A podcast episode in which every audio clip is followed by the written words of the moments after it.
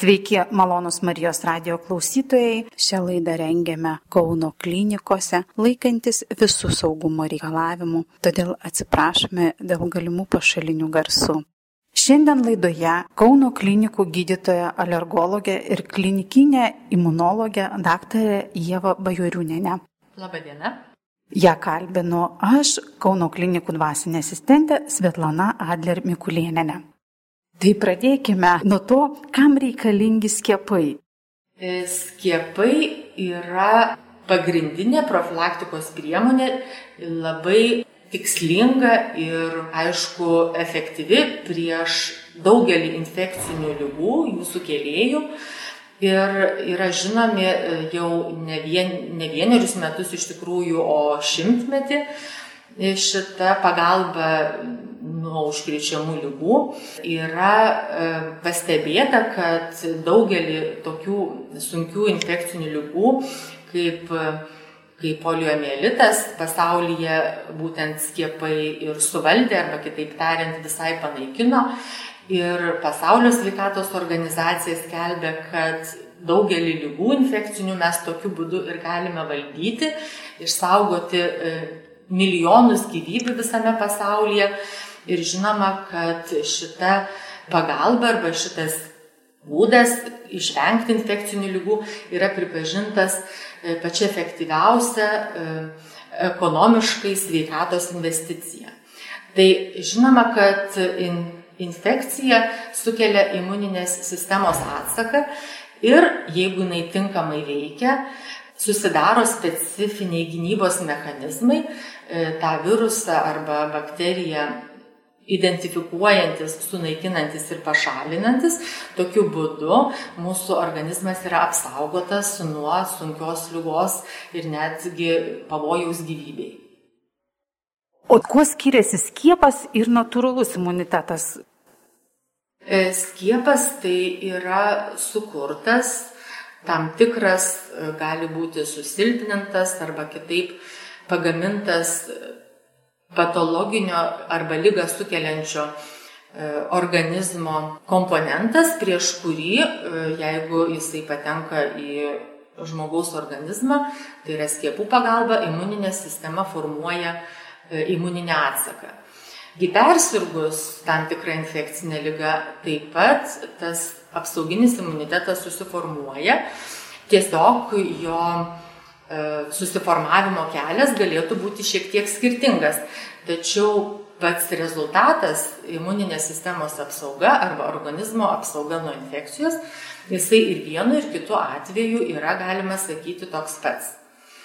E, šnekant turbūt apie šitą mm, koronavirusą, ką jūs, ką jūs norėjote paklausti, kad ar neužtenka persirgti, ar tas natūralus imunitetas būtų geresnis ar blogesnis už tą, kurį mes gauname vakcinavimo metu arba, arba skiriant skiepus, tai galima pasakyti, kad iš tikrųjų mažiau pavojų kyla susirgti arba susirgti sunkiai, jeigu mes e, esame skiepijami arba paskiepyti, nes akivaizdu, kad susirgus arba užsikrėtus šito virusu, ne visada lyga gali pasibaigti, sakysim, būti lengva arba pasibaigti sėkmingai ir nesukelti pavojaus sveikatai ir net gyvybei.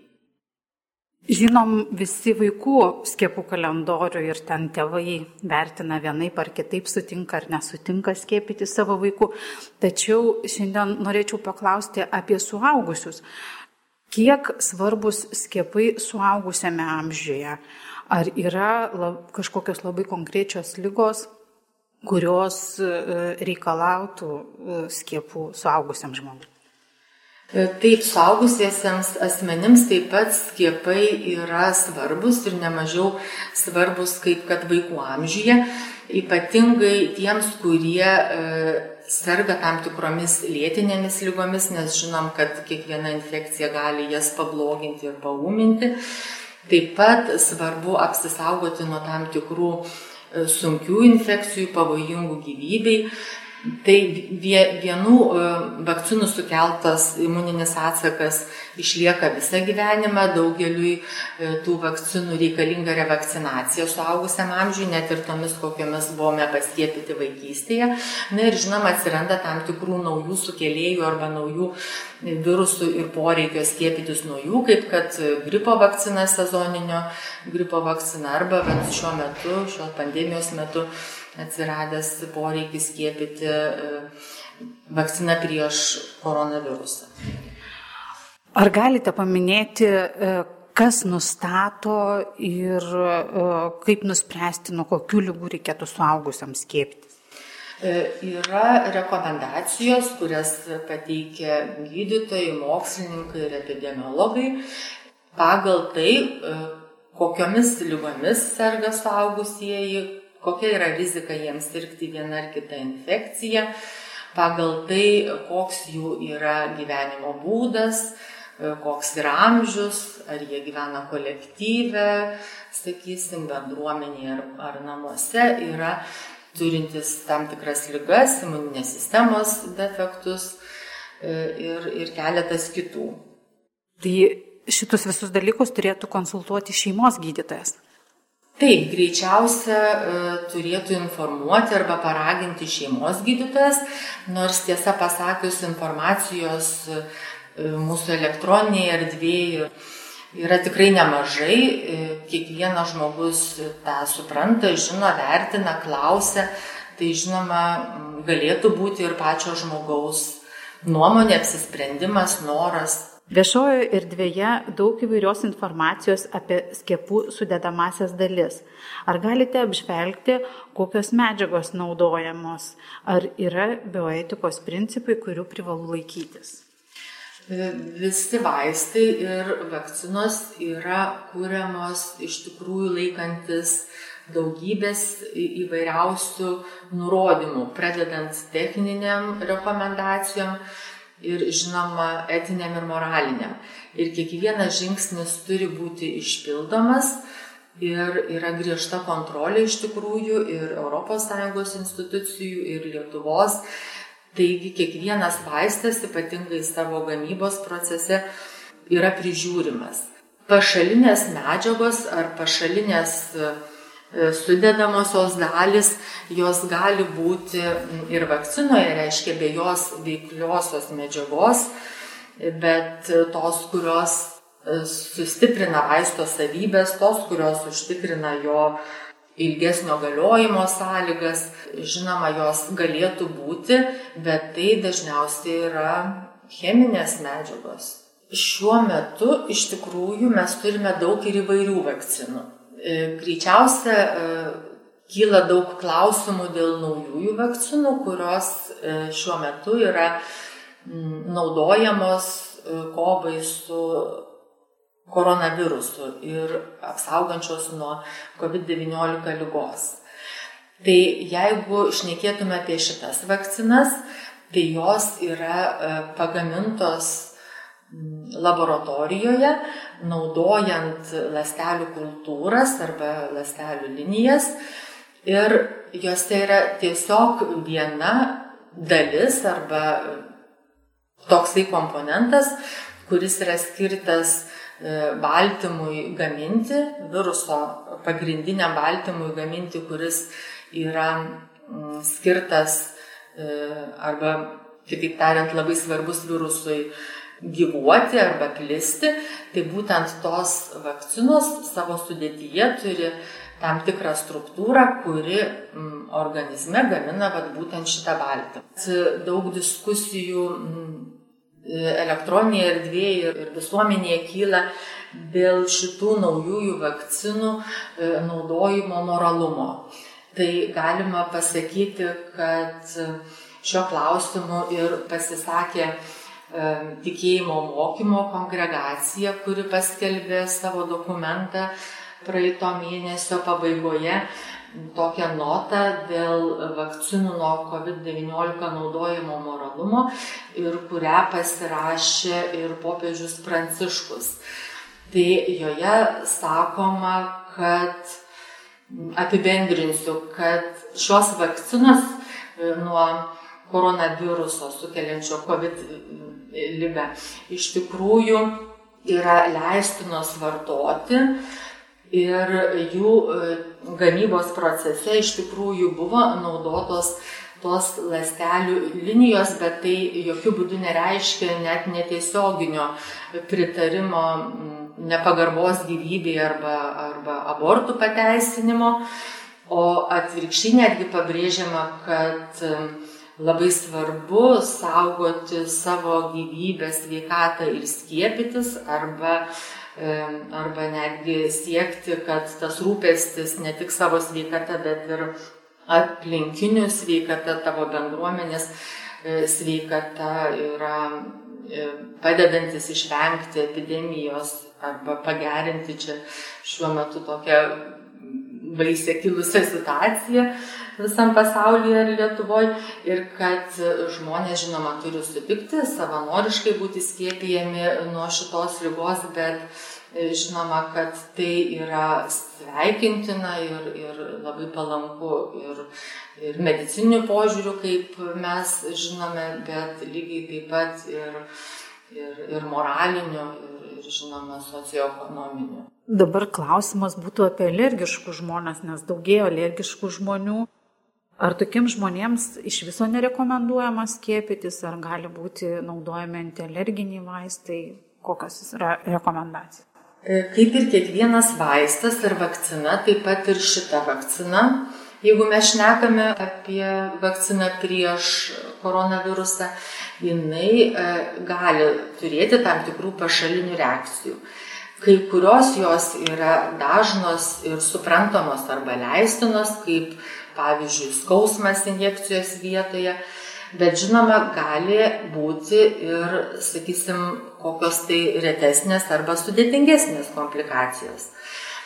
Tai e, yra šitos, šitos vakcinos sudėtyje tam tikrų cheminių medžiagų, prieš kurias gali kilti e, imuninės sistemos alerginės reakcijos E, svarbu pasitarti su gydytoju ir svarbu žinoti savo lygas, savo alerginės lygas, nes kai kurių alerginių lygų atveju rizika yra didesnė.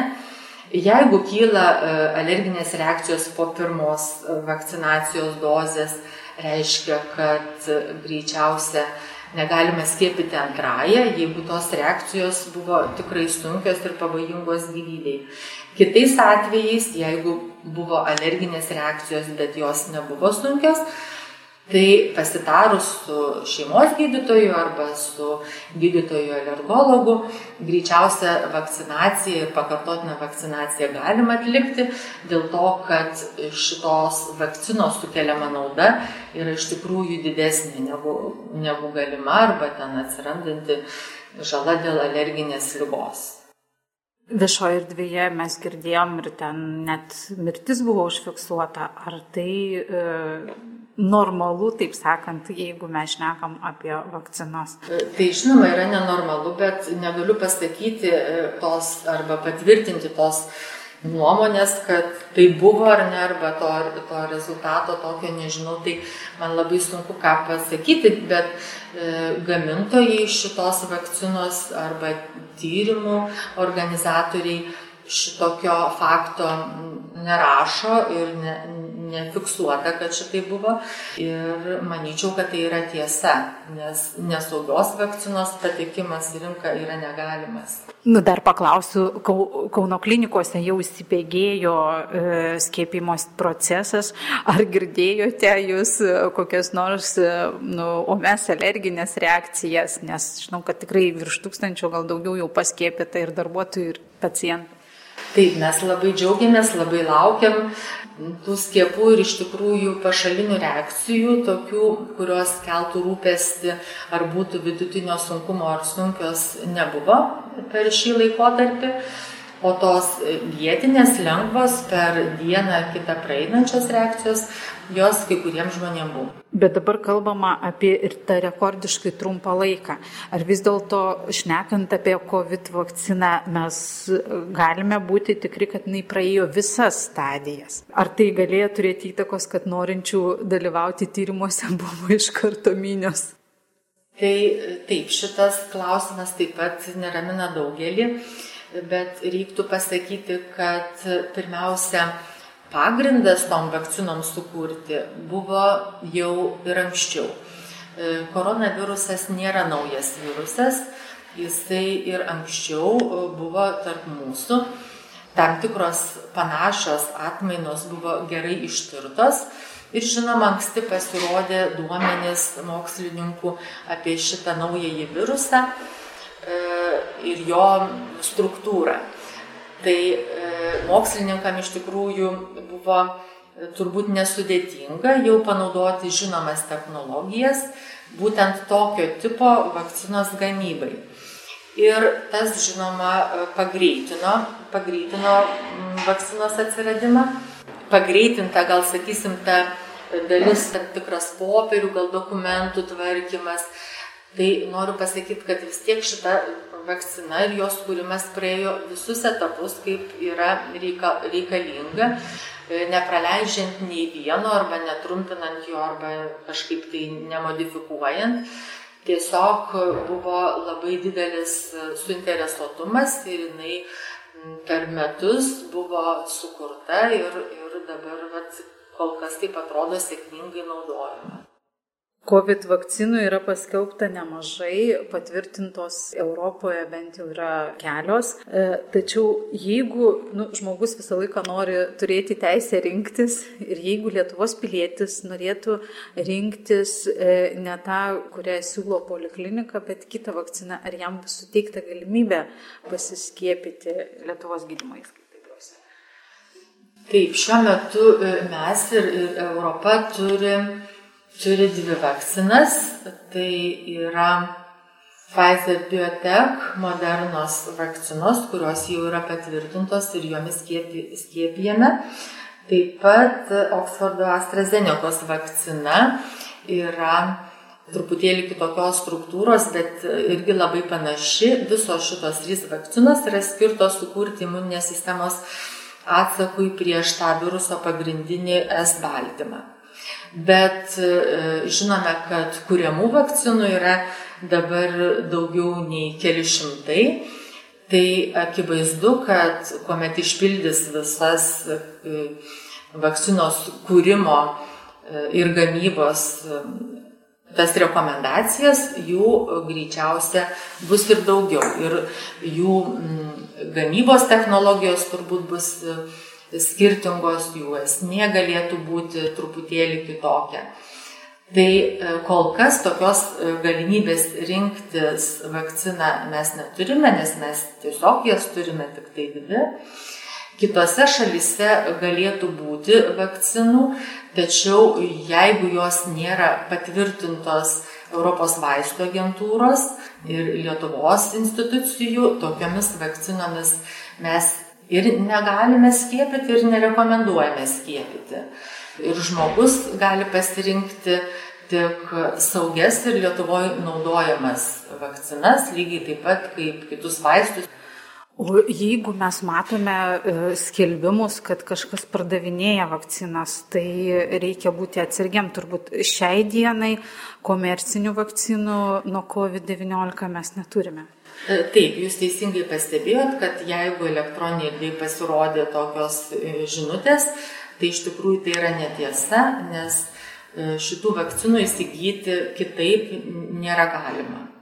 Ir šiuo momentu skiepijami yra medikai, ir uh, sunkios būklės pacientai, tai plačioji visuomenė dar turi sulaukti savo eilės. Taip, e, taip iš tikrųjų yra pasirinktas toksai e, vakcinacijos planas, kad stengiamasi apsaugoti pirmiausia pirmoje kovos linijoje su virusu kovojančius asmenis, tai yra e, medikai, sunkiai sergantis arba kitaip tariant, dideliam pavojuje dėl tos virusinės infekcijos esantis pacientai, e, vyresni asmenys, vėliau suplanuota, taip pat e, sergantis e, lėtinėmis lygomis, tokiamis kaip cukrinis diabetas, hipertenzija, lėtinės plaučių lygos, įvairūs navikiniai susirgymai, imuninės sistemos lygos,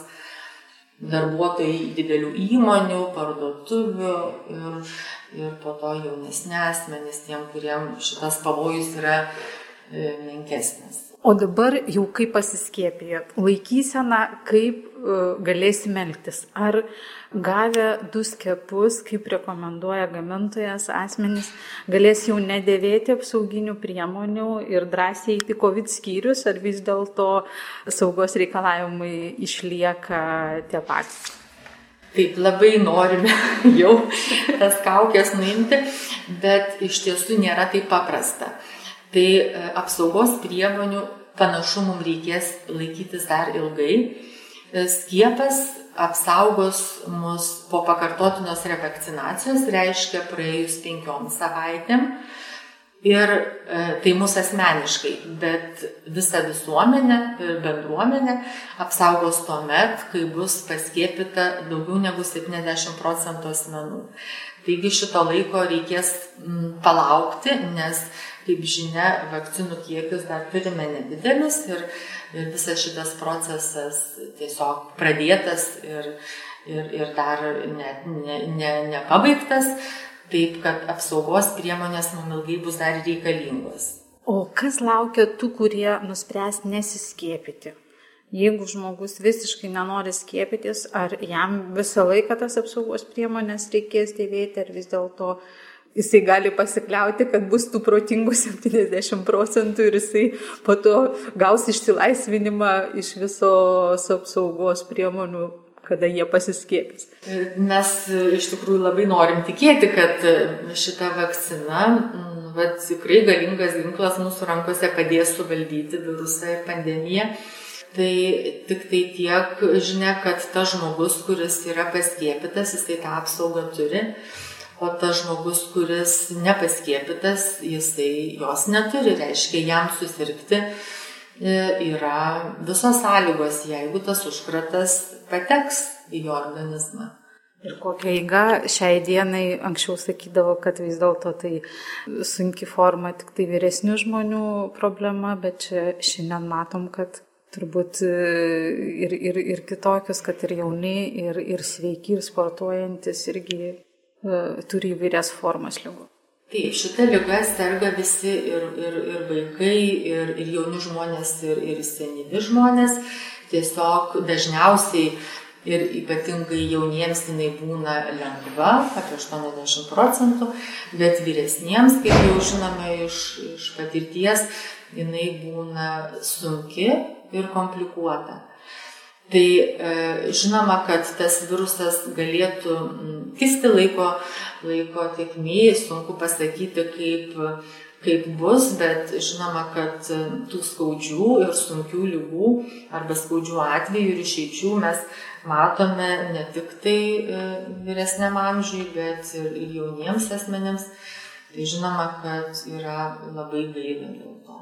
Ir dar akcentuokim po vakcinos, kiek laiko tas saugumas išlieka, kiek, kiek tas imunitetas susiformuoja. Ar reikalinga bus po metų ar po dviejų, vat, kaip erkinio encefalito po trijų metų revakcinacija? Ši specifinė imuninės sistemos apsauga susiformuoja gana greitai, po 3-5 savaičių, išlieka mėnesiais galbūt pusmetį ar ilgiau. Sunku pasakyti dėl to, kad tyrimai yra vis dar atliekami ir rezultatų yra įvairių. E, viena vertus imuninės sistemos atsakas galėtų silpti ir reikėti tos pakartotinos vakcinacijos, kaip kad e, jūs sakėte, ar sezoninio gripo atveju ir panašiai, gali kisti virusas gali prireikti e, tos vakcinacijos ir dėl to tai labai sunku pasakyti, kaip bus ateityje. Bet imuninės sistemos apsauga, kaip matome, greičiausiai nesusidaro visam gyvenimui. Apibendrinkim suaugusių žmonių skiepų rekomendacijos. Taip, e, skiepų mes šiuo metu turime e, labai įvairių ir jų sudėtis ir veikimo mechanizmas irgi yra labai skirtingi. E, svarbu žinoti, kad yra gyvos susilpnintos arba kitaip paveikti mikroorganizmai, tai yra virusai, arba gali būti tam tikri antigenai iš svarbus tam, tam sukėlėjui, prieš kurį būtent imuninė sistema formuoja imuninį atsaką. Ir nuo to, žinoma, priklauso, koks tas imuninės sistemos atsakas pasidary, susiformuos. Kaip jisai bus patvarus, stiprus, Tai mums tas svarbu žinoti, ar kyla dėl to kažkokie pavojai, ar reikia pakartotinos e, revakcinacijos, ar jinai ilgalaikė visam gyvenimui susidaro. Tai va šitie, visi šitie atsakymai yra būtent tos vakcinos sudėtyje. Tai išnekant apie, apie gyvas vakcinas, ar ne, apie timų, epideminio parotito, raudonukės viruso, geltonų drugio e, vakcinas, tai jos iš tikrųjų yra sukeliančios tokį tvirtą imuninį atsaką, ilgalaikį. Aišku, dėl to ir kyla tam tikrų pavojų, reikia e, tiesiog pagalvoti, ar to žmogaus imuninė sistema yra, yra pakankama. Tai būtent išnekant apie tas gyvas vakcinas. O jeigu šnekėt apie tam tikrų baltymų arba antigenų tas vakcinas, kokias, sakysim, yra meningokoko ir pneumokoko vakcina, stablikės difterijos vakcina. Tai būtent šitos vakcinos jos yra taip vadinamos vienetų vakcinos, negyvos, o tik tai tam tikra e, dalis antigeno, jomis paprastai e, tenka vakcinuoti ne vieną kartą arba reikalingas tas papildomas paskiepijimas priklausomai nuo vakcinos po penkerių, gal po dešimt metų jos tą imunitetą sukuria ne visam gyvenimui. Ir žinoma, kad yra rekomenduotinos tam tikrom grupėm žmonių, ypatingai vyresniems, tie, kurie serga lėtinėmis lygomis ir, ir, ir panašiai. Šnekant apie pašalinės reakcijas vakcinų, iš tikrųjų jos nėra dažnos. E, dažniausios turbūt galėtų būti e, tos vietinės ir lengvos reakcijos pavyzdžiui, dūro vietoj paraudimas ir uždegimas. Na, va, ir, ir, ir panašiai, bet žinoma, vėlgi tos pašalinės reakcijos priklauso nuo e, to skiepo esmės. Pavyzdžiui, žinome, tuberkuliozės vakciną paskiepyti mes esame visi ir visiems susidarė odos e, uždegimas ir visi turim, turim tą sugijusią odą galim pamatyti injekcijos vietoje. Tai šitos yra pašalinės reakcijos iš tikrųjų labai dažnos. Alerginės reakcijos kai kuriais atvejais e, galėtų mm, atsirasti, bet iš tikrųjų tai tų povakcininių reakcijų dažnis nėra labai didelis. Tai jūs galite e, savo pavyzdžių padrasinti žmonės, nes žinau, kad jau esat paskiepita ir jokių pašalinių poveikių kol kas nejaučiat. Taip, labai, labai džiaugiuosi, jau laukiam čia mes su kolegomis savo eilės, kaip pasakyti, senokai visą savaitę laukiam ir, ir šiandien mus paskiepijo, tai, tai nejaučiu iš tikrųjų jokių pašalinių reakcijų, jaučiuosi gerai Na, bet tikiuosi, kad taip ir, taip ir bus ir, ir, ir pagaliau ir savo pavyzdžių, ir savo šeimos pavyzdžių galėsim pasidžiaugti, kad šita, šita vakcina veikia ir kad, kad mes įveiksime pagaliau arba sustabdysime šito viruso žalą ir įveiksime tą pandemiją visi kartu. Dėkuoju Jums už pokalbį. Laidą baigiame, o joje girdėjote Kauno klinikų gydytoją alergologę ir klinikinę imunologę daktarę Ievą Bajoriūnenę. Ją kalbinau aš, Kauno klinikų dvasinė asistentė Svetlana Adler Mikulieninė. Būkime sveiki ir nebijokime. Tarėme sudė.